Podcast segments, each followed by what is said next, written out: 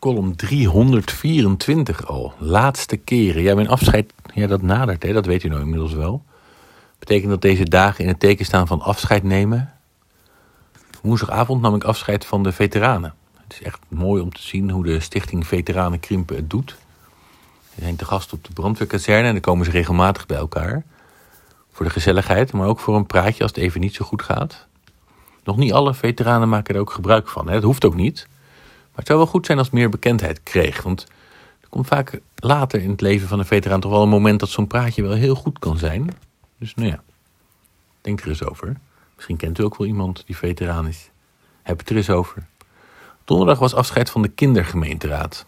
Het is echt bijzonder om te zien hoor, hoe dat clubje Koters is gegroeid. Het begon als een plek waar we dachten, we gaan de kinderen eens uitleggen hè, hoe democratie werkt.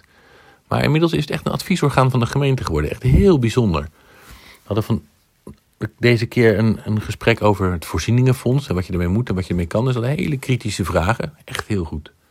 Komend jaar wordt voor hen nog mooier, maar dat is aan mijn opvolger. Dat is nog even vertrouwelijk. En verder heb ik geluncht met de ambassadeur van Hongarije. En de relatie met dat land is natuurlijk complex. Allemaal mensen hebben er een mening over. Maar er is een, een, echt een lange vriendschapsband tussen de gemeenschap van Krimp aan de IJssel en de gemeenschap van Kieskerus. Lang en bijzonder. Dus dat moet je niet verwaarlozen. En zeker niet omdat er een rare president dat land regeert.